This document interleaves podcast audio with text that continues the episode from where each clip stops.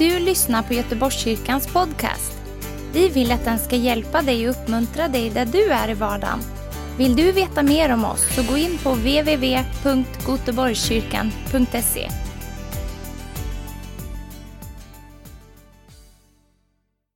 Det händer någonting när vi, när vi ber och eh, när vi också ber om eld. Eh, det är ju en risk vi tar, en trons risk. Eh, därför elden tar ju också bort det som inte är bra. Den bränner ju bort slaggprodukterna och tar fram det äkta. Elden ger också en underbar energi. Och eh, när vi nu ska tala om trons vila eh, då är det också en del saker här som är väldigt obekväma.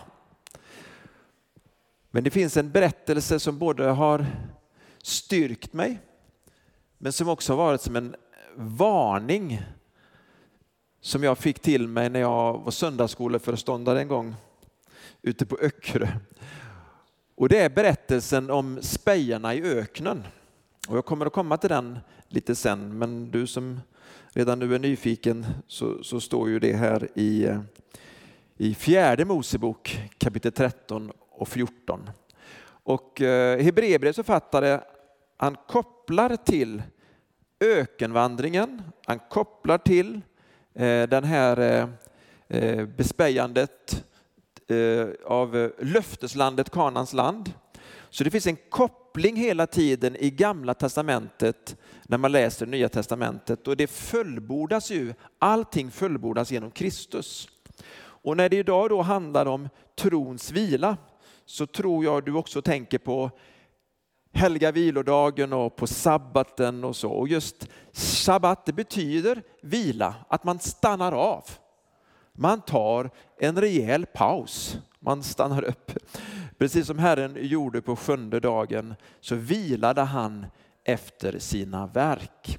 Så finns det också en vila i det kristna livet. Det är Guds vila, Herrens shabbat som kommer in i oss. Och jag ska säga det för att vara, vara väldigt tydlig att ibland kan vi få för oss att de här förebilderna i gamla testamentet är det vi ska gå tillbaka till när vi blir frälsta. Så ska vi lägga på också eh, judendomen och, och allt det som står i gamla testamentet för att på något sätt förbättra frälsningen. Jag säger att frälsningen har fullbordats i Kristus. Så du skulle kunna säga redan idag, Herren är min shabbat. Herren är min vila. Han har fullbordat det. Men vi behöver kunna och få kunskap och förstå dessa skuggbilder, men inte leva i skuggan. Ingen som vill va? Utan vi ska leva i verkligheten, i fullbordandet, i uppfyllelsen i Kristus. Men just de människorna som Paulus skriver till det här i Hebreerbrevet, de hade en tendens att gå tillbaka till det gamla. Och det är inte konstigare än när eh, Jesus eh, kommer tillbaka till sina lärjungar som har blivit modlösa och, och, och, Petrus bland annat förnekat Jesus, så gick de tillbaka till det gamla. De gick tillbaka till fisket och gick tillbaka till det de, det de kunde.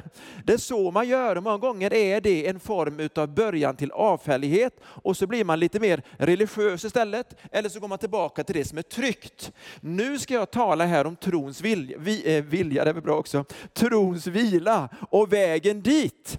Så var hörsam och hör det här, missa inte detta. För precis som, eh, som eh, Said talade om i kapitel 3 så finns det en risk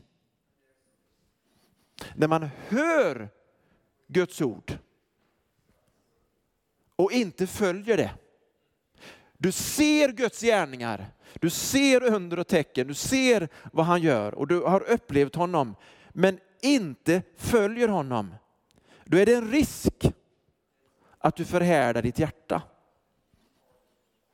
Och det var det som Paulus, eller Hebreerbrevets författare, inte ville skulle ske. Så nu fortsätter jag ifrån kapitel 3 och så är vi nu inne i kapitel 4. Och i kapitel 3, det var där som det bland annat stod, jag ska, eh, jag ska inte citera det, men jag ska tala om eh, att det också handlar om vilan redan där. I vers 18 i kapitel 3 så står det, vilka gällde eden att han svor att det aldrig skulle komma in i hans vila, om inte de som var olydiga. Vi ser alltså att det var för sin otros skull som det inte kunde komma in. Vad kommer det sig att det hela tiden i Bibeln kopplas ihop otro och olydnad? Jo, därför att det hör ihop. Ja, men säger otro är väl ingenting, olydnad väljer jag ju. Otro, det kan jag ju inte hjälpa. Jo, enligt Bibelns undervisning så är tro också ett aktivt verb. Någonting som du väljer. Eller? Om jag säger någonting till dig så kan du välja att tro på det eller välja bort det. Beroende på om du har förtroende för mig eller inte. Men om vi har förtroende för Gud så väljer vi att lyda honom och tro på honom. Så därför så är det ingen ursäkt att du liksom får tvivel. Det är ingen ursäkt. Du ska komma ur det. Det är liksom inget gudfruktigt eller fint eller filosofiskt märkbart eller ärbart. Utan otro är någonting som du ska välja bort. Du ska välja tro och förtröstan på Gud. Kan jag få ett någorlunda amen på det? Ja. Och det här handlar om att de löftena, alla löften som Gud har gett i sitt ord, alla löften som vi läser om i Gamla Testamentet, alla dessa löften har fått sitt ja och amen. Alltså ett ja och ske så i Kristus Jesus. Så, så tänk nu på det här underbara eh, när jag nu läser de här allvarliga verserna. Vers kapitel 4, vers 1. Låt oss därför med fruktan se till att ingen av er visar sig bli efter på vägen. När nu ett löfte att komma in i hans vila står kvar. Så låt inte fienden så in i ditt hjärta, det är för sent. Det är kört, det är det inte. Eller jag har förädlat mitt hjärta. Om du har förädlat ditt hjärta så känner du ingenting, så då kan du inte känna så, då tänker du inte så. Så du behöver inte vara orolig. Om du känner oro så finns det möjlighet till omvändelse. Hallå? Det är värre för dem som tycker att jag känner ingenting, jag struntar i allt. Man bara kör på, rätt in i synden, fortsätter in i fördärvet. Men om du känner eller vet, det finns en tid kvar att omvända dig. Evangeliet har predikats för oss liksom för dem. Alltså det goda budskapet predikades redan i gamla förbundet. Evangelium betyder det goda budskapet. Det goda budskapet förkunnas i Nya testamentet. Därför Markus evangelium kapitel 1 säger, här börjar evangeliet, här börjar det goda budskapet om Jesus Kristus, Guds son. Men det goda budskapet har alltid förkunnats. Det finns evangelium i gamla testamentet. Ja, Jesaja kanske, det håller jag med Jesaja. Det finns från första eh, kapitlet. Då står det att, vadå? Kvinnans säd, alltså Kristus, skulle söndertrampa ormens huvud. Det är väl ett gott budskap? Att Gud planerade redan då att genom Kristus, kvinnans säd, trampa sönder ormens huvud, Satan. Halleluja. Så evangeliet, det har förkunnats, det goda budskapet. Sen så kan det vara eh, eh, olika betoningar. Så står det så här, för dem blev ordet som de hörde inte till någon nytta, eftersom det inte genom tron hade smält samman med dem som hörde det. Så du kan höra evangelium, läsa Guds ord, höra predikan, men det blir till ingen nytta därför att du inte tror på det och tar det till dig. Det ska smälta samman. Då blir du bara någon som blir ännu mer religiös eller du kanske till och med blir ännu mer hård. Är det din kunskap bara blåser upp dig? Men om du ska tro och bli frälst, då ska du också höra ordet, tro på ordet, smälta samman med det och följa det. Halleluja. Det är vi som tror som går in i vilan. Vilka går in i vilan? De som vilka kommer inte in i vilan? De som inte... Ganska så enkelt. Vilken är den största synden? Det är att inte tro. Ja, nu är ni med. Alltså, enklare än där nere i söndagsskolan är det här. Det är därför att jag säger det, liksom, jag, säger, jag kan aldrig bli frälst för jag har gjort det och det och det. Ja, men då, då det är du otro. För Jesus har ju fullbordat det. Det är ju, han, det är honom du ska liksom lita på, inte vad du har gjort eller inte gjort. Och så står det så här. Det är vi som tror som går in i vilan. Herren säger, då svor jag i min vrede. Det skall aldrig komma in i min vila. Och det fastän hans verk stod färdiga sedan världens grund blev lagd. Ty på stället om den sjunde dagen, säger han, och Gud vilade på den sjunde dagen från alla sina verk.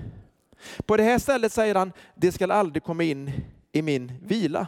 Det står alltså fast att somliga går in i vilan och att de som först fick höra evangeliet predikas inte kom in för sin olydnads skull.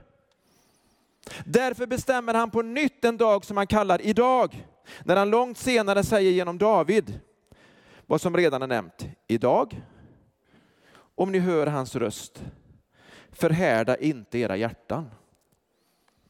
Det här är alltså ett av de ord som citeras mest i Nya Testamentet från Gamla Testamentet. Ty om Josua hade fört dem in i vilan skulle Gud inte längre fram ha talat om en annan dag. Alltså finns det en sabbatsvila kvar för Guds folk. Den som har kommit in i hans vila får vila sig från sina gärningar, liksom Gud vilade från sina. Låt oss därför ivrigt sträva efter att komma in i den vilan, så att ingen kommer på fall som det och blir ett exempel på olydnad. Så det blir bara de första elva verserna i Hebreerbrevet och så fortsätter jag med resterande nästa söndag för att kunna fokusera trons vila. När man nu undrar, hur, vad, vad då liksom Gud vilade från sina gärningar? Och vad, vad, betyder det här att vi också då ska vila från våra gärningar när vi har Guds vila inom oss? Lite distinkt här. Jesus fullbordade frälsningen, han fullbordade gärningen. Han sa på korset, det är fullbordat. Ja. Är det fullbordat då eller skojar han bara lite? Jag chansar lite när han säger det är fullbordat för att det är fullbordat. Så frälsningen är fullbordad. Då behöver vi inte bättra på den med religiösa gärningar. Eller gärningar från lagen som vi ska försöka tillämpa i andra hand. Det var det Hebreerbrevets läsare försökte göra. Det var det man försökte många gånger gå tillbaka till det gamla. Istället för att tro på att det som Jesus har gjort är fullbordat. Det räcker! I Kristus är jag frälst. I honom finns ingen fördömelse. I honom är till och med Shabbat fullbordad. Halleluja! Och jag har hans vila. Jag behöver inte bättra på frälsningen. Jag är bara frälst genom Jesus. Hans sons blod har räddat mig och frälst mig. Han har fullbordat det. Så du kan säga mig, säg tack Jesus, att du har frälst mig. Och det är fullbordat. Och jag kan inte bättra på. Och jag ska inte bättra på. Men jag ska ta emot. Halleluja! Detta visar oss den heliga Ande gång på gång och ger oss trons vila. Hur kan du veta att du är frälst? Hur kan du vara så frimodig? Hur kan du tro att du är bättre än andra? Jag vet, jag bara vet att jag är frälst på grund av det som Jesus har gjort. Det är likadant för dig. Ja men du då?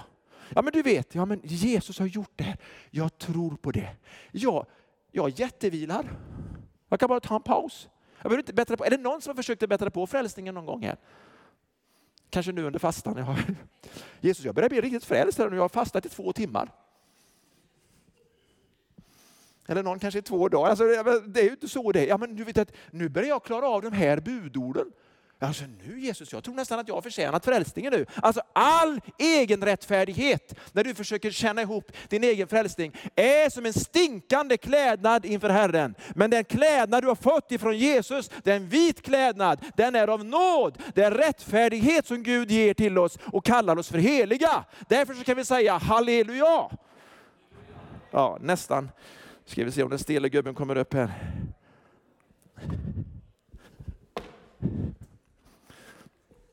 Jag vet att det där påminner om grevinnan och betjänten på nyårsafton, men det är något liknande där. Fast det är helig andes rus istället. Jag tror att, att jag ska läsa de här verserna för att förklara från fjärde Mosebok. Så följ med mig i fjärde Mosebok kapitel 13. Eftersom det är den bilden jag vill betona här i del två av predikan.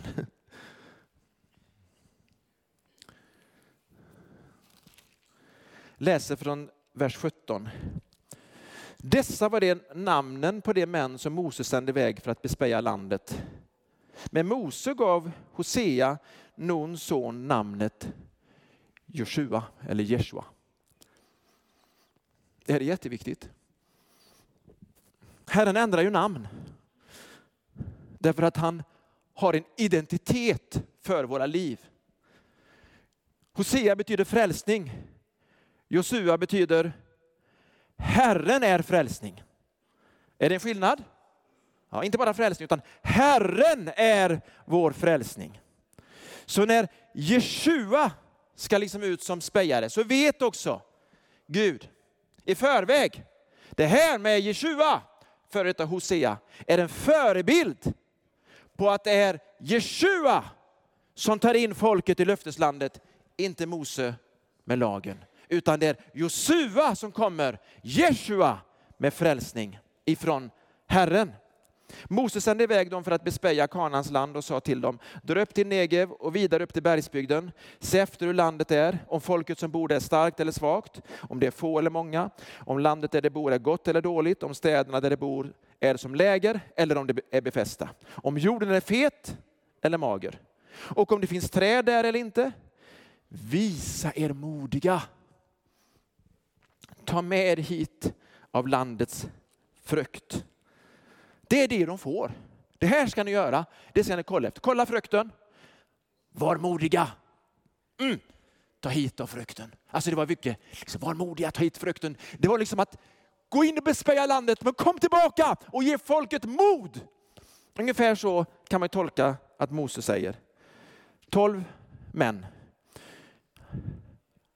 En från varje stam i Israel åker iväg. Joshua var från Efraims stam, Kaleb var ifrån eh, Juda. De bespejar landet och det står om alla de här ställena och Druvdalen. Och så står det i vers 24. Det kom till Druvdalen där skar av en gren med en ensam druvklase. Den bars sedan på en stång av två man. Alltså vi har ju haft druvor. Det är sådana här små klasar.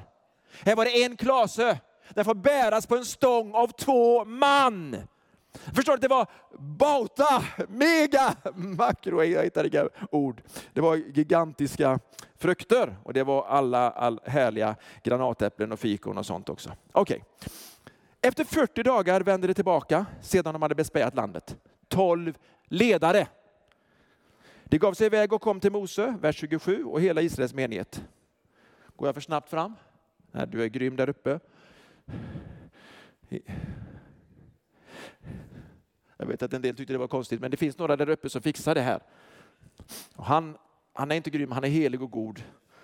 Han här uppe, så vet du det. Och det sa till Mose, vers 28, vi kom till det land som du sände oss till. Det flödar verkligen av mjölk och honung. Alltså vilket land! Alltså de var i öknen. Och liksom fick äta fåglar som ramlade ner på marken. Fick äta, dricka vatten ur klippan. Alltså det var inte så allsidig kost, men de fick, de fick mat. Här var, det, här var det något helt annat. Men folket säger de, och nu kommer det här. Nu händer det här. Men, alltså allt det här, allt är underbart. Men, Kom inte in i det här nu att du ser allt för Gud och minns allt för Gud och så börjar du tala om alla omständigheter och allt som är jobbigt och allt som är besvärligt. För det gör de. Folket som bor i landet är starkt. Städerna är befästa och mycket stora. Dessutom såg vi avkomlingar av Anak där. Amalekiterna bor i Negev och så rabblar de upp alla de här stora folkslagen. Och Kaleb i vers 31, han liksom lugnar ner folket och så säger till Mose, nej men låt oss genast dra dit upp, inta landet. Vi kan göra det! säger han. Tänker du, det här kom från Obama, men det, liksom, det kom från en ledare långt innan det här. Vi kan göra det. Han försöker lugna ner folket. Det var Kaleb, en av de här tolv. Men, vers 32, de män som hade gått upp med honom sa, vi kan inte dra upp mot detta folk. De är för starka för oss. Och inför Israels barn talade de illa om det land som de hade bespejat och sa, det land som vi har vandrat igenom och bespejat är ett land som käkar upp sina inbyggare. Och allt folk som vi såg där var resliga, alltså de var så stora. Vi såg också jättarna där. Anaks barn kom från jättestammen. Och vi var som gräshoppor i våra egna ögon. Och så var vi också i deras ögon. Och så tänker jag, vilken syn har vi på oss själva? Gud säger till oss någonting. Som folk, eller som församling, eller som enskilda kristna. Har Gud talat till dig? Har han gett dig något löfte? Jag tror det, eller hur? Han har gett dig så många underbara löften bara från Bibeln. Men förmodligen har du också fått till dig när du själv har bett till Gud. Eller någon har profeterat in i ditt liv. Eller du har lyssnat till en predikan och säger, ja men det här är Guds tilltal till mig. Men så kommer omständigheterna och fejsar med sitt fula ansikte och sina befästa städer och säger det är omöjligt. Då säger Gud tillbaka, och förlåt, jag hade ingen aning. Nej. Han säger ju inte, och jag visste inte, och jättarna, jag hade glömt bort jättarna. Vi gör om det, vi trycker ner dem och gör dem till små pygméer allihop. Vi gör liksom en diminutivform av alla befästningar och så fixar jag det. Lät jag nästan som galenskaparna, det var ju lite galenskap också. Man tänker nästan att Gud, han gör det lite lättare för oss. Nej, han säger fortsätt tro på det jag sa ifrån början. Tro på mitt ord som det står. Gå in i de löftena som du har fått. Det är där du vinner seger över jättarna, över de befästa städerna. Och säg inte så här, jag är som en liten gräshoppa. Eller vi. Jag och min familj, vi är som gräshoppor. Och det tyckte de om oss också. Alltså pratade de kananeiska? Pratade de med jättarna för Anak? De pratade ett annat språk. Alltså det är ju en slags, jag tror i alla fall inbildning eller fixa tolk. Hallå där, vi har tänkt att bespeja det här landet och nu ska vi inta det här landet. Skulle ni kunna berätta för oss, hur ser ni på oss egentligen? Ni förstår hur befängt det är. Det sitter i vårt kött. Mindervärdeskomplex. Vi är inga grö grönsaker, skulle jag sagt. Eller är vi inte det heller. Vi är inga grönsaker. Vi är inga gräshoppor. Vad är vi? Vi är Guds barn. Vi är Guds folk. Vi har blivit smorda av den heliga ande. I Kristus så är vi någonting. Vi är inga jättar, men i honom så besegrar vi jättarna. Motståndet, hotet, hatet. Allt som är, reser sig upp emot kunskapen om Gud, allt som trotsigt reser sig upp emot kunskapen om Gud, ska jämnas med marken. Är du med mig? Woo! Det var Josua och Kaleb också. Men, när de har sagt det här, börjar alla i Israel skrika. Och så har de ingen bönenatt utan de gråter hela natten. Och de gnäller mot Mose och Aron. Och säger vi skulle dött i Egypten istället. Nej, vi väljer en ny ledare som för oss tillbaka till Egypten. Mose och Aron faller ner på sina ansikten. Josua och Kaleb tar återigen till orda. Hör här vad föredömligt. Smittas av den här anden och den här tron. Kapitel 14, vers 6. Och Josua, Nuns son, och Kaleb, Jefunnes son, som var med bland dem, som hade bespejat landet, rev sönder sina kläder. Som var en symbol på att man var förkrossad i sitt hjärta. Och det sa till hela Israels menighet. Alltså det var ju några miljoner. Om Herren har behag till oss skall han föra oss in i det landet och ge det åt oss, ett land som flödar av mjölk och honung. Men var inte upproriska mot Herren och frukta inte för folket i landet, för det ska bli som en mönsbit för oss. Deras beskydd har vikit ifrån dem, men Herren är med oss. Frukta inte för dem. Wow, vilken predikan! Och denna predikan leder till att var och en tar upp en sten och så ska de börja stena dem. Nu ska Josua och nu ska Kaleb dö, vi orkar inte höra det här. Men då kommer Herren, vers 20, med sin härlighet i uppenbarelsetältet för alla Israels barn. Och när Herrens härlighet kommer så tänker vi, åh det är bara underbart. Ja, underbart är det. Härligt är det. Men det kommer också en dom. Domen är att Herren vill utplåna hela folket.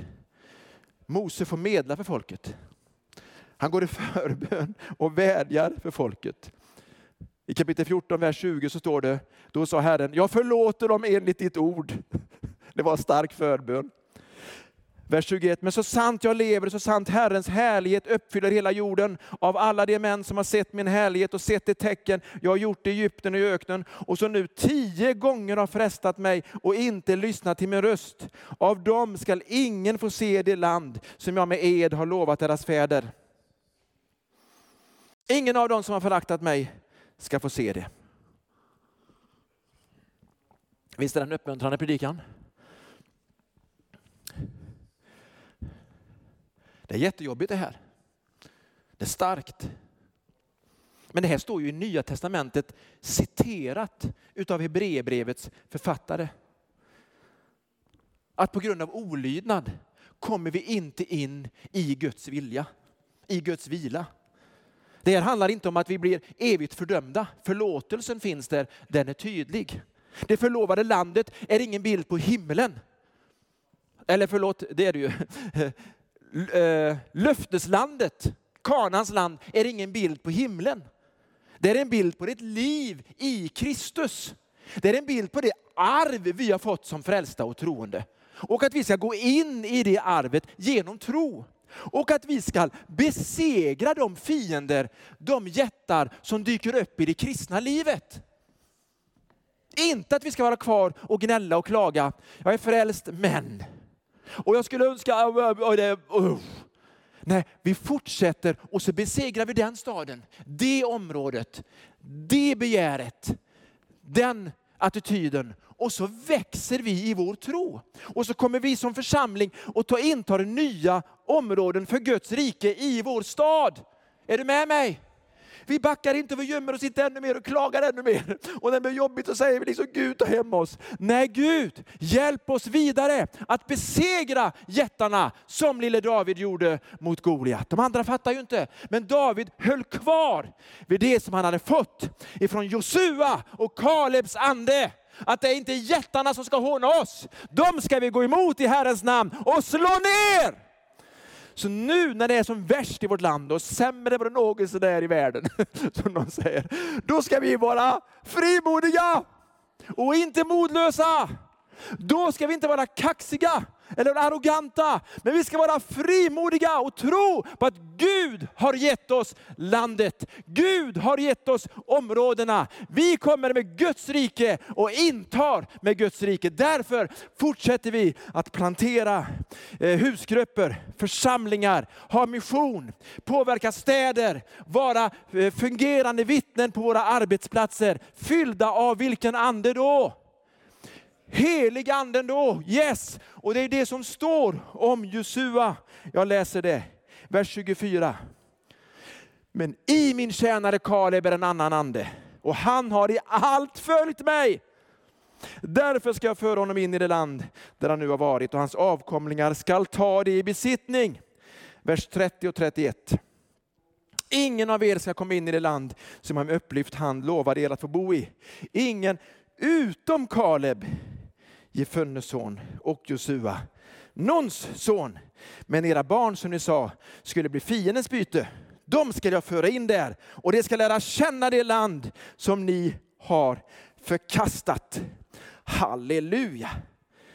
Så avslutningsvis, jag säger till TV Vision Sveriges tittare, det fortsätter i Facebook, sändningen, så du kan gå in på goteborgskyrkan.se så får du vara med om finalen också där via Facebook. Jag tror att den finalen som jag har här berör våra hjärtan. Jag ska erkänna att ibland känner jag mig som en gräshoppa. Och tror att andra känner likadant. Men när jag läser Bibeln, jag läser om trons hjältar, så är det precis som att jag får för mig att jag kan. Och när jag läser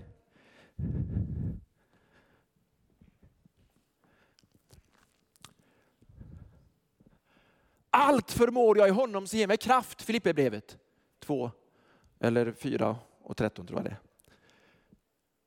Då tror jag på det. Har ni känt den skillnaden någon gång? Ja. Och när jag bara läser det här, ingenting är så underbart att Herren inte skulle förmå det, då händer det någonting i mitt hjärta. Så eftersom jag är så i mitt sinne så behöver jag fylla mig med Guds ord och med Guds löften. Men jag talar också ut Guds ord och Guds löften. Kaleb och Josua, de hade en annan rapport än de tio spejarna som dog och blev begravda där. De hade en annan rapport, en annan rapport, ett annat budskap. Vad har du och jag för rapport idag? När vi talar, när vi möter människor. Är det en modlös rapport? Är det att vi håller med? Ja, det är fruktansvärt. Jag, jag har ett hopp.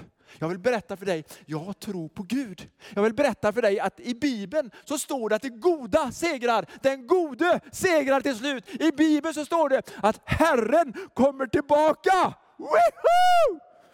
Som konung. Så jag tror att vi ska komma. Vill du det? Vill du vara med mig i den här bönen? Ska vi stå upp? Lovsångare kommer fram. Så skulle jag vilja be den bönen med dig.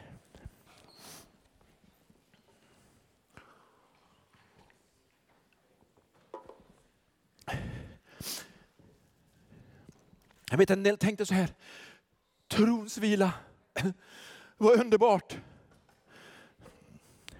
Du kan bara slappa, du behöver inte göra någonting. Du kan bara slappa och rulla med tömmarna och hoppas att alla anställda gör det, att någon annan gör det eller något annat land. Men trons vila är att förtrösta på att Herren, han har gjort det. Av nåd är ni frälsta genom tron, Guds gåva är det. Men vi är kallade in i vad då? Förutberedda gärningar. Den heliga andes ledning. Ja, men det försvann ju all vilan. Vilan har inte med slapphet att göra. Vilan har med tro och förtröstan på att det är Jesus som gör det igenom oss. Hans ande som gör det igenom oss. Vi gör det inte själva, not by might, nor by power, but by my spirit says the Lord. Halleluja. Så därför så frågar jag dig, du som genom Jesus Kristus vill vara som Josua och Kaleb, du sträcker din hand nu. Du som följer här också, du sträcker din hand nu. Och så bara säger du, Herre Jesus, tack för din ande. Det är trons ande. Det är vishetens ande. Och det är vila. Tack för din kraft. Tack för frimodighet att inta nya områden. Att förtrösta på dig, inte på mitt förstånd. Att inte se på omständigheter. Att inte vara orolig. Jag vilar i dig. Och jag är fylld, säg jag är fylld av helig ande genom Jesus Kristus. Halleluja! Och jag ska bekämpa jättarna. Jag ska slå dem ner i Herren Jesu namn. Genom ditt ord, Andens värld. Amen. Men det blir nästa söndags predikan om Andens värld och nådens tro. Det tar vi inte nu. Nu prisar vi Herren. Tack för att du har lyssnat. Dela gärna podden med dina vänner och glöm inte prenumerera. Om du har frågor eller vill att vi ska be för något så mejla oss på info På söndagar har vi veckans höjdpunkt. Då firar vi gudstjänst tillsammans och det vore så kul att träffa dig där. Men vi har även samlingar för barn då? Gå in på vår hemsida goteborgskyrkan.se så får du veta mer. Välkommen till oss!